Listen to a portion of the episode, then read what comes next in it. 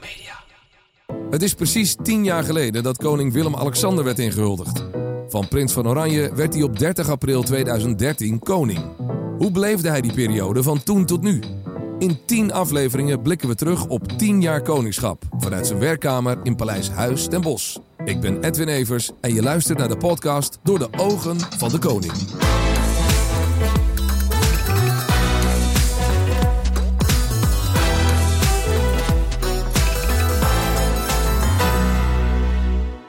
We zijn weer begonnen. Ja, We zitten in 2016.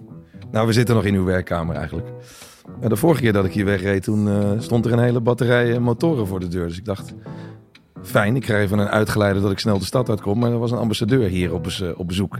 Want Ja. u, u, u woont hier, maar u werkt hier ook. ik woon hier, ik werk hier ook. In dit geval was het eh, het afscheid van de Japanse ambassadeur. Die als ambassadeur langer dan twee jaar in Nederland is geweest. Dan eh, ontvang ik ze daarna op afscheidsaudiëntie. En dan is het altijd heel leuk om te horen hoe ze Nederland hebben beleefd. eh, wie ze hebben leren kennen, wat ze allemaal gezien hebben. En ja, iedere ambassadeur pakt zo'n tijd anders aan in Nederland. En dat is wel heel leuk om toch even terug te koppelen aan het eind van zo'n periode. En had hij het leuk gehad? Hij had het heel leuk gehad. In dit geval was een heel bijzondere ambassadeur. Want hij is getrouwd met een Nederlandse vrouw die eh, op een gegeven moment naar Japan verhuisd is. En dus als ambassadeursvrouw hier terugkwam. eh, ja, als Japanse ambassadeur met een Nederlandse vrouw had hij toch een andere band met Nederland dan andere ambassadeurs. Ja. En zeker gedurende corona, dat ze niet door Europa konden reizen, hebben ze heel veel van Nederland gezien. En hij heeft echt het land van zijn vrouw ook leren kennen. Dus op zich een extra dimensie aan zijn ambassadeurschap. Ja, leuk. We gaan eh, door met het jaar 2016. En eh, daar is weer van alles gebeurd. In 2016 bereikte Nederland het aantal van 17 miljoen inwoners en haalden we 19 medailles op de Olympische Spelen in Rio de Janeiro. De Amerikanen kiezen voor Trump, de Britten voor een Brexit. De oer-Hollandse VND wordt failliet verklaard en het COC viert het 70-jarig bestaan. De koning brengt een staatsbezoek aan Frankrijk na de aanslagen in Parijs en hij spreekt het Europees Parlement toe. David Bowie, George Michael, Prince en Johan Cruijff overlijden. En de jeugd is in de band van Pokémon Go. Nou, dat is nogal een jaar. Daar zijn heel veel verschillende dingen gebeurd. Ja, heel veel verschillende dingen. Wat pikt u er nou meteen uit? Ehm, nou, het staatsbezoek aan Frankrijk vond ik eh, een heel eh, indrukwekkend staatsbezoek. Het, het was natuurlijk ge- al gepland en toen kwamen de aanslagen, onder andere in Bataclan. Ja, En de, die verschillende eh, ook horecagelegenheden in de stad. ja. En als je dan met de nabestaanden daar spreekt in de stad, die, die stad was echt nog in shock. Ja, dat zijn van die momenten die je nooit vergeet in je leven. Het overlijden van Johan Cruijff. Ja, dat was, eh, ik denk iedereen nog wel weten waar, eh waar hij was toen dat hoorde. Waar was u? Nee, ik zat in de auto toen ik het hoorde. Ja, dus Nou, de kans dat u in de auto zit is vrij groot. die is vrij u groot. toch al wat af. Maar mijn, mijn, mijn voetbalhart is begonnen ooit toen ik met een, een oude vriend van mijn grootvader... die nam me mee naar Ajax. En eh Cruijff die beloofde gewoon in de, in de pauze... toen ik hem daar zag als klein kind... van ik zal naar je zwaaien vlak voordat ik een doelpunt scoor. Daar is mijn liefde voor Ajax ontstaan. Ja, ik, heb, ik moet op alle vlakken neutraal zijn in het leven... behalve bij voetbal. Nou, en, en ik weet vanuit mijn radioverleden dat er een paar dingen zijn waar je voorzichtig mee moet zijn. Politiek, geloof en voetbal. Maar u durft het gewoon aan. Ik durf het gewoon aan en dat is dankzij Cruijff. En zwaaide die. Ja, en hij scoorde. En welke wedstrijd was? Weet Dat, nog? dat weet ik niet. Nee, nee, nee, ja. Er zijn van die mensen die weten al die feiten over voetbal nog. Maar ja, goed, een legende. Hij kwam zelfs aan bod in eh, uw toespraak. Want die kwam hier ook nog even te sprake. U heeft gesproken voor het Europees Parlement. Daar Ja. werd Johan Cruijff nog even genoemd. Als een van de dingen waar wij in Nederland trots op moeten zijn. Nou, absoluut. De grote voetballers zijn de beste ambassadeurs voor een land. Ja, Van Basten, Gullit, Rijkaard, eh, Cruijff. Overal ter wereld waar je komt kunnen mensen met de meest rare accenten. Soms moet je echt wel even uitpluizen wie ze nou bedoelen. Eh, maar eh, deze mensen kennen ze allemaal. ja. Eh, Heel een leuke anekdote. Ik heb ooit ehm, in het, geloof 2005 was de onder 18-jarige WK-finale tussen Nigeria en Argentinië bijgewoond. Heeft in Utrecht. En toen heb ik de beker uit mogen reiken aan Messi. En een paar maanden later was ik ergens in Kenia aan de kust. En dan kwam een klein jochie naar me toe. Zei, ken jou? Waarvan dan? Jij hebt een beker aan Messi uitgereikt. Nee. Ja, dat is zo bijzonder om te zien hoe, wat een invloed eh, grote sportlui hebben op de rest van de wereld. En hoe een positieve invloed ze kunnen hebben.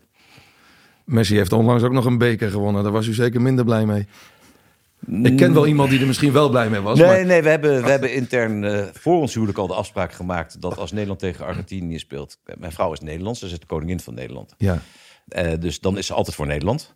Maar ik heb wel daar tegenover gezet dat als Argentinië speelt... en het niet tegen Nederland is, dan ben ik altijd voor Argentinië. Oh. Dus uiteindelijk, toen de finale was tussen Frankrijk en Argentinië... was ik natuurlijk voor Argentinië. En heel blij dat uh, Messi toen ook die beker eindelijk in, in zijn handen mocht hebben. Hij had hem wel verdiend, hè? Hij had hem echt verdiend. Ja.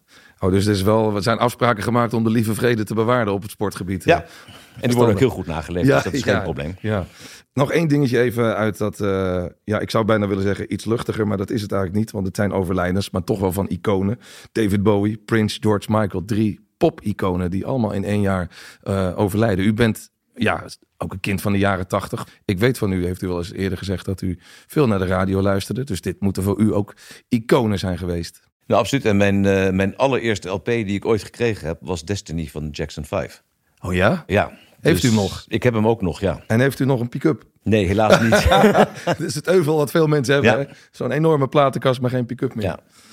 is wel weer hip hoor, om uh, dat weet ik, dat weet ik, dat weet ik. Maar natuurlijk, Michael Jackson, uh, David Bowie, echt allemaal uh, grootheden. Prince, allemaal grootheden natuurlijk.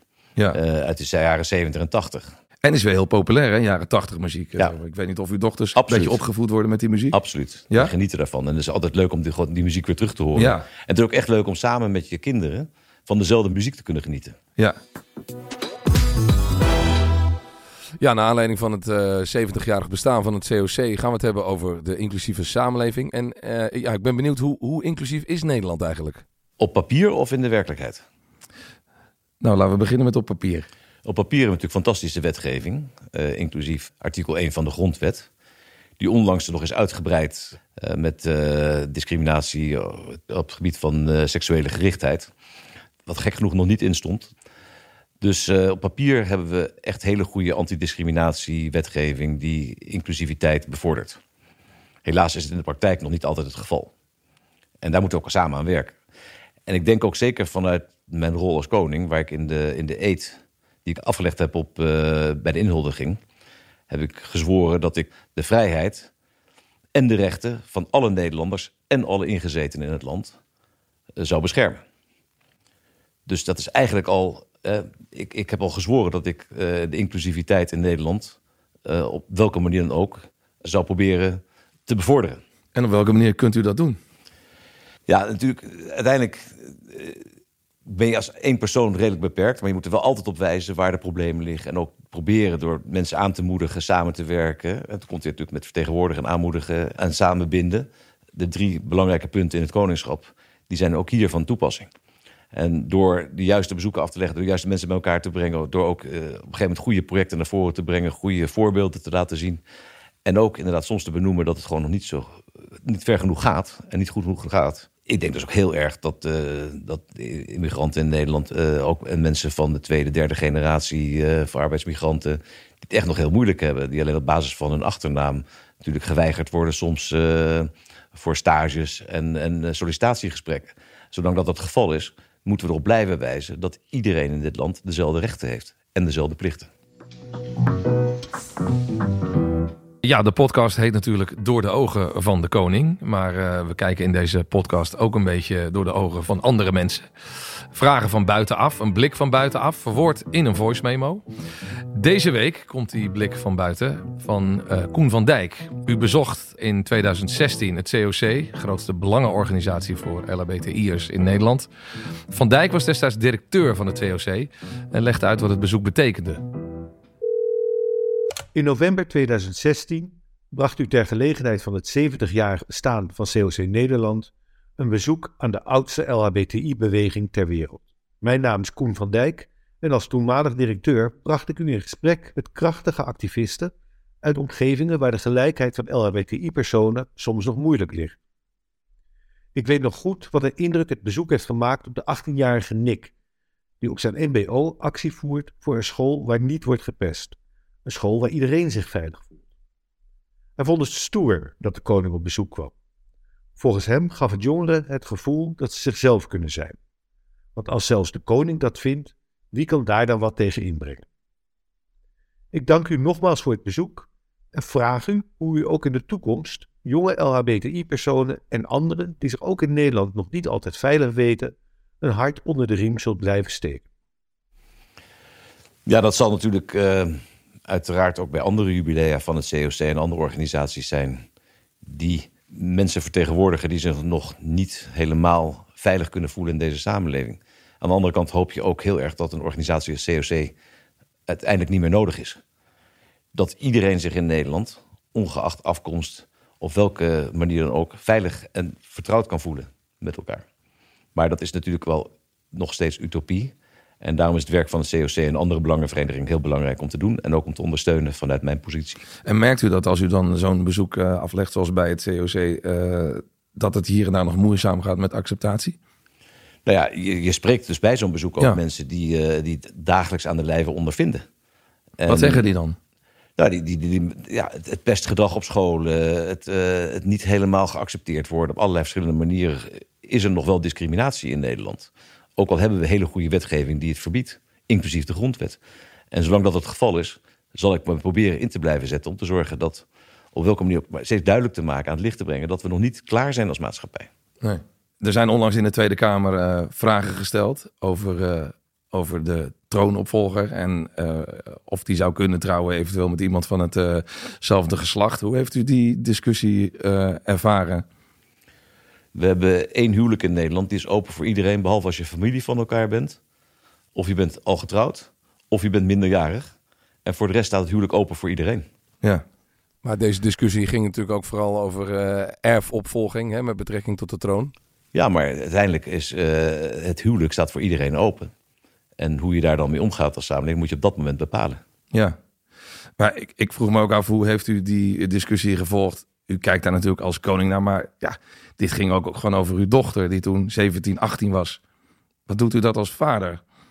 Kijk, op een gegeven moment wordt er, dat is ook wel weer heel erg Nederlands, altijd weer een onderwerp gevonden om het volgende niveau te bediscussiëren. En dan zeg ik, ja, houd toch op jongens. Het gaat toch over een 18-jarige, waar hebben we het over? Maar aan de andere kant gaat het ook wel ook over eh, iemand die in de troonopvolging zit. En waarmee, waarmee ook een formele band met het koninkrijk is. En dus ook met het parlement. Ja. En die hebben het recht overal te discussiëren waarover ze willen. Maar ik voel nu bij u dat u heel erg zoiets heeft van... inderdaad, hou er eens over op. Laat dat kind met rust. ik dacht, ik, ik, zeg het wel even voor u. Ja, we hebben het nu. De, de, de LHBTI eh, plus gemeenschap uh, komt natuurlijk hier uh, te sprake. Maar goed, inclusiviteit gaat natuurlijk over veel meer ja. dan dat. Hè? Is er qua diversiteit binnen de dienst Koninklijk Huis... qua diversiteit iets veranderd de afgelopen, nou, laten we zeggen, tien jaar? Ja, ik denk dat er toch wel uh, behoorlijke verschuivingen zijn. Op dit moment zijn bijvoorbeeld vier van de acht adjudanten zijn vrouw. Voor het eerst zijn er vrouwelijke lakeien bijgekomen. En in elke provincie heb ik een kamerheer, dat is een erefunctie. Daar zijn ook drie van de twaalf zijn, zijn vrouw. Een kamerheer. En die heet nog steeds kamerheer. Dat blijft kamerheer? Ja, dat is een hele grote discussie geweest. Maar ja, je hebt ook raadsheren bij, in, bij het Hof. En dat kunnen ook vrouwen zijn of mannen. Dus, Wat vinden die vrouwen daarvan? Het is toch raar. een vrouw, ja, ja, we hebben het eerste was in, in Overijssel. En uh, we hebben het ook uitgebreid met haar besproken. En ze begrijpen het ook wel. Het is geen enkel probleem. En uh, ja, dus ook in deze oude traditionele functies zijn ook, is ook diversiteit ingekomen wat dat betreft. Maar nu, nu gaat het dan over uh, oude traditionele functies, over man-vrouw. Zijn er veel mensen hier met een, een biculturele achtergrond? Of stimuleert u dat? Of? Nou, het is een doelstelling binnen de dienst Koninklijk Huis om zo inclusief en open mogelijk te zijn in het personeelsbeleid. Dus we proberen dat wel te stimuleren. Uh, maar het blijft lastig, omdat je natuurlijk niet mensen kan dwingen te solliciteren. Maar de doelstelling is wel om zoveel mogelijk diversiteit, culturele achtergronden van alle mogelijkheden binnen het dienst Koninklijk Huis aan te nemen en in dienst te hebben. Ja, zoals uh, gezegd al eerder, eh, de, de titel van de podcast is uh, Door de ogen van de koning. maar we kijken ook graag door de ogen van een, van een kind. Ik heb Muk gevraagd of hij nog een leuke vraag voor u heeft. Hallo, hallo, doet hij het? Hi koning, als ik koning ben, kunt u straks thuis blijven. Ik vroeg me alleen af, kan ik die troonreden niet gewoon via Instagram geven? Ja, de troonrede via Instagram. Ja, maar het is, het staat, is dus vastgelegd in Nederland dat de koning of iemand namens de koning eh, het beleid van de regering van het volgend jaar uitspreekt. Ja. Ten overstaan van de Verenigde Vergadering van de Staten-Generaal. Dus de Eerste en de Tweede Kamer samen. En dat gebeurt op de derde dinsdag van september. Zo staat dat in de grondwet. Ja. Dus ja, eh, je kan het wel op Instagram opnemen, maar je moet wel ook voldoen aan de grondwet. Want daar heb je natuurlijk uiteindelijk je, je eten op afgelegd. En het is natuurlijk ook ceremonieel wat er bij Prinsjesdag komt kijken, wat gewoon het verbindende element van de Nederlandse samenleving ook verbeeldt. Het is ook heel belangrijk om daar samen te komen met de Verenigde Vergadering en alles wat omheen gebeurt. En daarna natuurlijk ook het presenteren van de begroting. Het is gewoon ook een ritueel. En rituelen zijn heel belangrijk ook in een samenleving. Het was ooit op maandag, dacht ik. En is uiteindelijk verschoven naar de dinsdag. Hoe zat dat? Maar dat is dan al wel heel lang geleden. Ja, wel, Eh, het eh, parlement vergadert ook niet op maandag. Nee. Omdat je de, degenen die op zondag niet mochten reizen vanwege godsdienstige eh, redenen, Ja. moet je de kans geven om, om op maandag te kunnen reizen. Om op tijd bij het, om naar het parlement te gaan. Dat Dus is van oudsher de reden dat het naar dinsdag verplaatst is, hè? Daarom zijn ook de, vergadert de, eerst de Tweede Kamer in principe ook niet op maandag. Ja. Dat mensen op maandag kunnen reizen om op dinsdag te kunnen vergaderen. De troonrede. Eh, ja, dat was ook een keer de eerste keer dat u dat eh, moest doen. Spannend? Zeker, Ja. zeker. Eh, maar dat was ook het jaar natuurlijk van de inhuldiging. En ik vond uiteindelijk dus, eh, ja, de, de toespraak bij de inhuldiging was voor mij was spannender dan de troonrede. Ah, natuurlijk ook omdat, je hem, omdat ik die zelf geschreven heb. En het een ja, zo'n markant moment is aan het begin van je koningschap. Ja. Terwijl de troonrede natuurlijk geschreven wordt door, eh, door het kabinet, voorgedragen door mij. Er vindt wel overleg plaats tussen mij en de minister-president over de inhoud en met name ook de vorm van de, van de troonrede. En oefent u dan vaak die troonrede? Ja, natuurlijk. Ja? Natuurlijk, ja. En wat is dan vaak? Leest u het twee, drie keer door of gaat u... Ja, Nou, het moet er natuurlijk gewoon vloeiend uitkomen. Ja, het is maar- een lap tekst. Het is een lab tekst, eh, maar je moet het... eh, ja, ik weet niet hoe vaak ik het van tevoren... Of een aantal keren, weet ik niet. Maar Ja. je leest het natuurlijk heel vaak van tevoren al door. Waardoor je eigenlijk al weet wat er aan gaat komen. En dan begin je op een gegeven moment daarna ga je hem dus echt ook hardop voor beginnen te dragen. 2016, voorbij gevlogen weer, hè? Absoluut. Ik wil u bedanken en eh, graag tot in 2017. We gaan er weer voor zitten.